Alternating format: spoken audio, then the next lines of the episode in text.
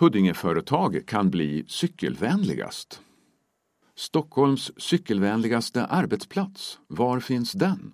Frågan ska besvaras 2021 med hjälp av en tävling.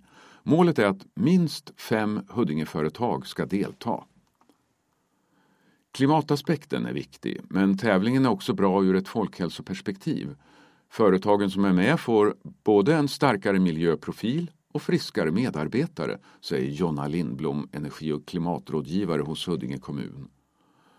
Tävlingen är en del i projektet Cykelvänligast som finansieras med EU-medel och omfattar företag i flera Stockholmskommuner. Företag som vill delta i tävlingen för att öka cyklandet bland sina anställda registrerar sig via webbsidan cykelvanligast.se.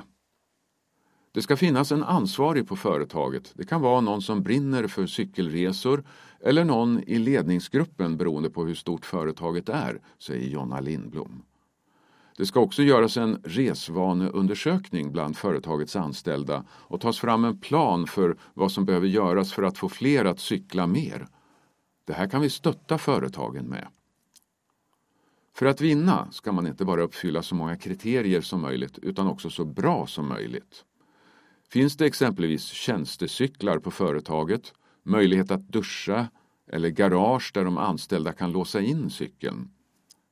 Vinnare utses i tre kategorier. Cykelvänligaste, Årets nykomling och Årets cykelidé. Och vinnarna får förutom äran varsitt inramat diplom. Resultatet sprids dessutom i många olika kanaler.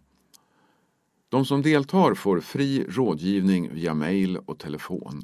Vi kan också komma ut och stötta beroende på hur det ser ut med restriktioner kring pandemin, säger Jonna Lindblom och berättar att det inom projektets ram även anordnas inspirationsseminarier via webben. Tanken är att företagens cyklande ska rulla på även efter projekttidens slut. Och det skrev Mikael Jeppe. Och i en fotnot sägs det för mer info och anmälan till tävlingen gå in på cykelvanligast.se.